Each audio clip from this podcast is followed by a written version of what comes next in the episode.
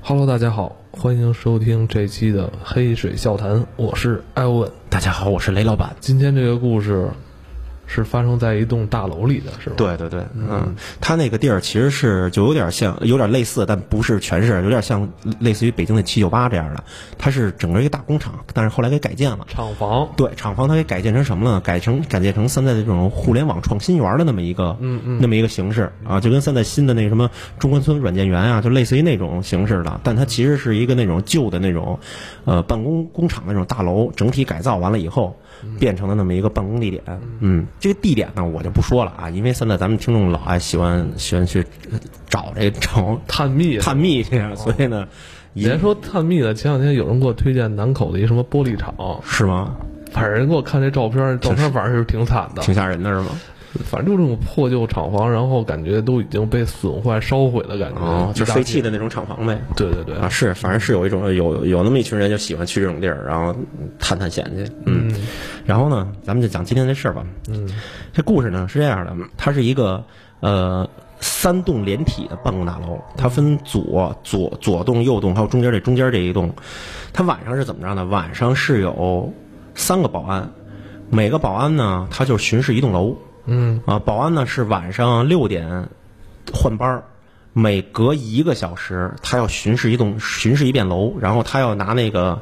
就是那个打点儿的那个消防的那种点儿，他要去点那个点儿去。每个每每每每层每个地儿都有这种装置，等于呢他在一边巡逻的时候呢，他就拿这个。点那个点儿，拿一个装置点那个点儿，然后呢，就代表他就是巡视完完一遍了，就每隔一小时巡视一次，也就是六点上班的时候呢，呃，巡视一遍，然后隔七点，然后八点再巡视一遍，一直隔隔到第二天早上起来六点，然后再接班换班，是这么一个状态。这个事儿呢，是发生在一什么呢？就是其中的有一个保安，晚上在巡视的过程中，巡视的过程中，第二天早上起来就是四点多。再去巡视的时候，隔了五点到六点就该回来集合，然后交该交交接班的时候，这个保安就没回来。后来呢，等接班的那个保安的那个就是等于领导呢，就去找，说这个人怎么没回来，就拿那个对讲机去找这个人，但是发现找不着了，找不着着，找不着了以后呢，那怎么办呢？就是是让剩下保安就去找他呀，说这人怎么没回来呀？回来就找，找呢就没找着这人，那哦可能是回家 了吧？对对，没有，这事儿完了是吗？啊，对对对，讲完了，讲完了，讲完了就就是一个早退的故事，其实是 真的完了？不是没有没没完哦，你们因为咱们那个有一些听友老经常投这种稿，就跟你现在讲的状态差不多，，就就完 了 完了，是就吗真的完了。。 没有没有没有哦没 没那么简单，没那么简单。找什么呢？手台找着了，嗯，就在那个楼梯的楼道的拐角，就那个手台就掉在地上了，嗯，就搁通话用的这个，，对，通话用的手台，因为那手台有走近了以后，你一摁，对方对面不能收到吗？收到有刺啦刺啦的声儿，就这么着找这个，找着以后说这这人怎么就没了呀？说调一下监控看一眼吧，说去哪儿了？是上厕所了还是干嘛？他整个楼那楼特别大，那三栋楼特别大，就所有保安就在找这个人，找不着怎么办呀？就看录像，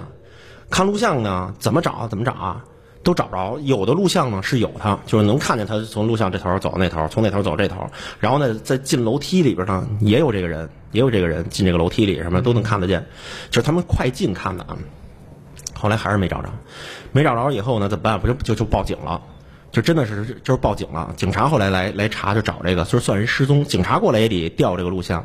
警察警察在到调调这个录像看录像的时候，发现了一个问题，因为他们之前看都是快快速倒的这种看，嗯，逃的时候这个人影像也是很快的啊，就是走到哪儿看见这人，走到哪儿看见这人了。这警察一共看了三遍，发现了你知道是什么问题吗？发现一些蹊跷，发生一些蹊跷，什么蹊跷啊？就是你看见这个的人，如果咱们在倒这个录像的时候，如果你正着倒走的话，他倒的时候他不是应该倒着走吗？你明白吗？就是录像上是往回倒，倒的时候这个对人，你要你正着走，但是倒的时候他肯定是往后倒着走啊，很对奇怪的，这这这很正常的一种现象嘛，对你要倒带子嘛。这警察在倒带的时候，发现有一个地方特别怪，尤就是在楼梯里的一个，就是那种防火消防梯里边儿，发现这个这个倒的时候，这个人是正常下楼的那个一个画面，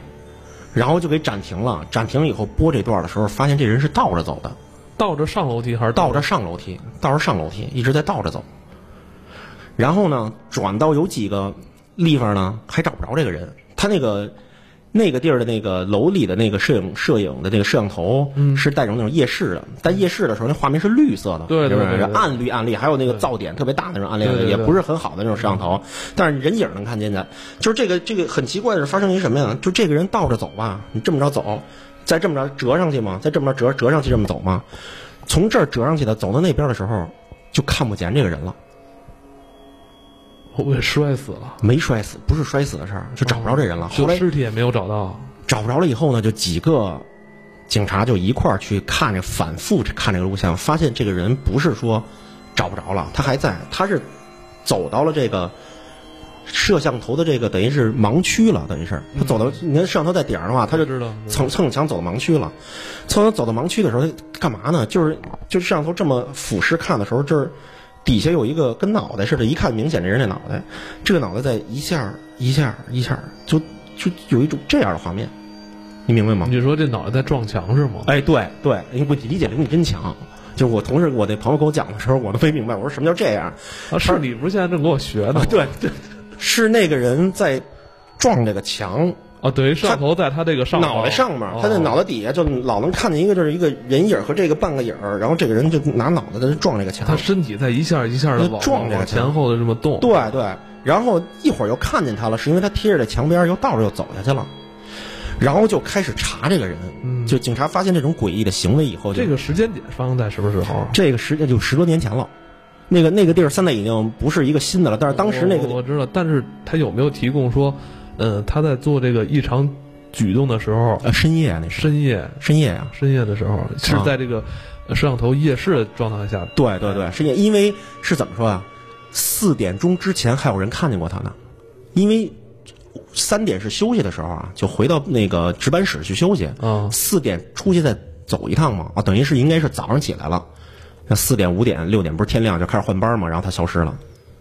嗯，就是等于那是都一那会儿早上了，早上了，啊但其实那楼道里很黑啊，就是外边其实还没那什么呢，应该是冬天的时候，就反正挺黑的那么一个状态。然后就去查这个人，这个人呢四十多岁，一个男性，然后在这儿就是已经在这儿当保安当了两三年了，已经是一老保安了，不是一个新新不是一个新来的人了。然后查家庭查什么都没查出问题来，没有精神病史，没有这都没有。嗯，然后曾经呢，特别逗的是，曾经这个人就是在当地，曾经这个人还在这个地方当过工人，就是哦盖楼之前，这个人在这附近当过工人。就是这个厂房没有被就是改造弃期间的时候弃用之前，对他还改造是期间这个厂房的工人工人，哎，对，还查到这个那个工作的这个信息，然后这个厂房起立起来以后，没多长时间以后，他又来这儿就就当的保安，因为他是当地人，可能是就是、呃警察推理的是，他可能就是因为在当地就不出去务工的那种原原就是原原原本地人，就是说白了对是，那他应该查查他的这个家庭状况，还有呃他的亲人啊，对，都查了，没有查出任何问题来，嗯，没有查出任何问题来，没有查出问题任何问题，这个这个事儿就暂时就搁置这儿了，这等于是就是失踪人口无故失踪，对无故的失踪失踪人口，呃，并且有那个怪异的举止和行行为，嗯但是就是没有也没有别的蛛丝马迹，就是什么都没有，就就凭空消失了这个人。而且还是一个在工作过过程中就消失了、逃班了那种感觉，就没了这人。在他消失前有过一些异常的异常举行动，嗯动，对这个让警察很奇怪。但是呢，这个事儿其实没有几天，就谜底就揭出来了。是吧？是铁探长给揭秘呃，的，这是好吧？像是吧？ 这个跟问问铁探长是是。然后呢，是怎么发现的呀？嗯，白天员工在上班的时候，坐电梯闻见有臭味儿，尤其是到一层的时候和地下的时候，味道极其浓重。哎，你说这厂房不应该是这个就是一层的这种大厂房吗？它不是还有那电梯那啊可？大了，它可大了以后，它改造成楼了已经。哦，改造成楼。哎，你可以，我前两天刚学完蓝标，那蓝标原来就是跟厂房似我知的，道我它它知道它里边也是有电梯的但是那个。它蓝标好像有有高层吗？没高层，它一共有三对层吧，但是也有电梯。但是那个房特别大的那种哦特大别厂房，高特别高的那种大厂哦房明白对啊对。它把里边就等于重新给改建出来了，你知道吧哦？这是有电梯的，六七层的哦有那电这梯，就是一个带电梯的厂房，带电梯的厂房哦。哎，对。然后呢，最后就发现有臭味了，以后找这个工人就是去看这个电梯，说里边是不是有死猫死狗什么的。嗯，然后发现了这个人的尸体，哦，被卡死在电梯里，在电梯井最底下，哦，在电梯井最底下。这个呢，本来就已经很这个人失踪了以后找着了以后，发现他死在电梯井底了，这件事儿已经很吓人了，因为就是造成这当地有点恐慌了，就这个写字楼恐慌了。有一个更恐怕、更恐怖的事儿，就是最后警察来了以后，在查这件事儿的时候，就是这个死者是一个什么状态呢？嗯，他是跪在这个地上，好像在挖什么东西，然后死在这儿了。死是这个脖子被扭断了。等于就撅在这个脑袋是撅在这个地上，然后在电梯井底下，他好像在刨什么东西，他跪在地上在挖东西，对然后他的脖子被扭断了，扭断了，是这他这就就整个整个人就夹在这个地底下，他电梯井跟底下中间还有一段呢，明白？有一段那个小的区间好像是，他就在这底下，然后这个手就都已经破掉了，指甲都已经没了。哦，就是这个指甲都破，还在破了，还在挖的这种感觉啊状。态，然后呢，这个时候呢，警察呢就说这个就要要调查这件事，把尸体弄走了以后，就是查他在挖什么。嗯，你知道查挖就是警察就开始挖这个地儿，看看他这底下有什么。 开始对，挖你你你得调查这件事，他是为什么？铁探长也开始 挖了，对对对，铁站长也开始挖了。然后铁站长挖着挖着呢，哦就发现这底下有什么嘛？啊，有一具尸骨，并且这个尸骨已经死了好多年了，尸骸，尸骸在这个电梯井底下的底下埋着呢。他是正常死亡的这个尸骸，还是说一个意外死亡的呀？你听着啊，然后这个把这个尸骸，然后警察就更诧异了，然后就把说是把这个东西弄走了以后呢，弄走了以后呢，就开始调查这个事儿。后边的这些事儿就都是他们传出来的，前面这些事儿都一切都是就是实际发生的啊，就是故事中发生的。后边的事儿就开始传传出来了，说这个人是一个就是被人杀的一个人，然后呢。找这个人就通过 DNA 啊，然后相貌还原，就是还原这个人。后来发现这个人是失踪好多年前的，也是一个当地本地人，而且并且是在当年这个工地失踪的一个工人。我这就倒得更远了。，对，更远了。这个时候，你你你现在能联想到吗？嗯，这个死的这个保安也是当年的这个，这个这个也是当年工地的工人。嗯，然后后来就开始警察就说又查，发现说这两个人当年失踪的这两个人，当时有一阵儿是出现了，好像这两个人第一认识，第二还出现了分歧，之前打过架。然后后来这个人就失踪了，后来好多年也找不着的话，后来这就也是一个作为一个失踪人口，然后这件事儿就被大家就忘却了，就不知道了。直到几十年以后，这个案件发生的时候，发现了这个人死在这儿，然后又把这个人的尸体又走又挖出来了。有人传说是这个人，当时说他不是老在那儿撞墙吗？嗯，其实不是，是他在那儿给那个人磕头呢。就呃，对我还有一个落落了一个点，他吓死我一跳。他你知道你知道他在磕磕楼的这个这个啊为什么在那儿磕呀、啊那个墙后边就是那电梯的井，哦，就是他他是在给那个尸体尸骸磕头呢，磕在那儿啊。哦，因为那个当时发现的时候，就咱们其实一般都是电梯旁边不就是那个防火的楼梯吗？对对都是挨着的。就这墙后边其实就是电梯井。嗯。然后就是他这个就是在一下一下就是撞这个墙，在撞这个墙，然后他这个倒着走的这个行为是实在是解释不通，他为什么要倒着走？嗯。啊、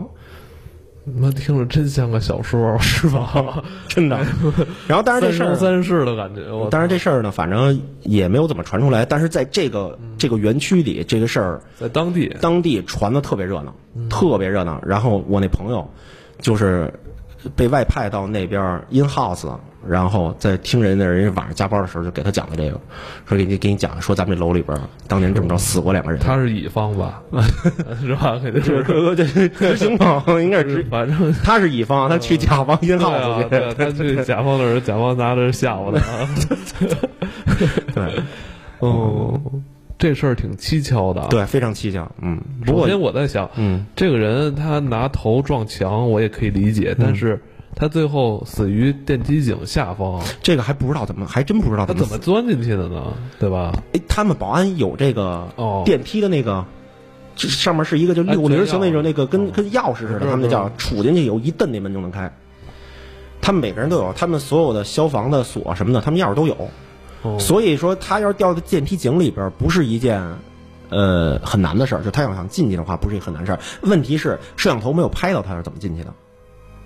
哦啊、摄像头没有拍到。如果摄像头拍到，咱们不就知道他把电梯井电梯门打开，让他进去了吗？然后我猜想，嗯，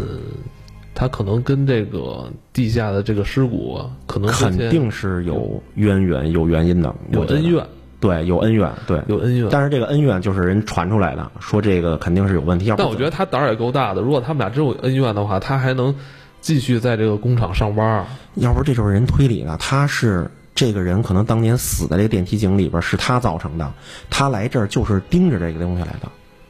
他自己守着东西，别人就不会发现呀、你明白 吗？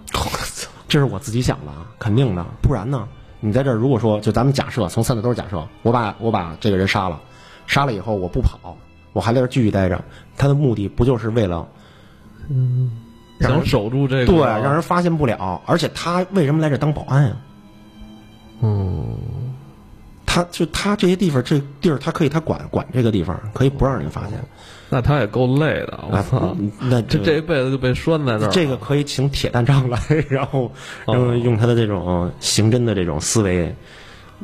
思考一下，他是不是是有是不是有这种案例？嗯，有这种有这种这个是肯定有杀完人以后还留在原地不走了，因为不是你说说这事儿是真的吗？那我就不知道了，啊，我就人不知道了人给你编的，是人家跟我讲的，那他编的太好了，就这个我觉得挺有意思的，是吗这个？这能编一集电视剧，啊能吗？ 能编一电影儿是吧？能能能。我觉得，反正我听完这事儿，我听到一半儿的时候起鸡皮疙瘩了。就是尤其是他说嗯那个呃摄像头他在倒着走和拿脑袋磕墙的时候，我就觉得挺瘆得慌了。尤其是在夜里边儿晚上，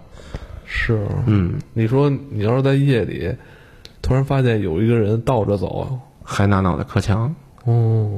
挺吓人的，吓人的挺吓人的， 挺吓人的嗯而且是在那种漆黑的那种防火通道里边儿、楼道里边儿。还说呢，我们家不刚才跟你聊到我们家那电梯了吗？嗯，我们家电梯晚上就坏了，坏了以后我从一楼爬到二十楼，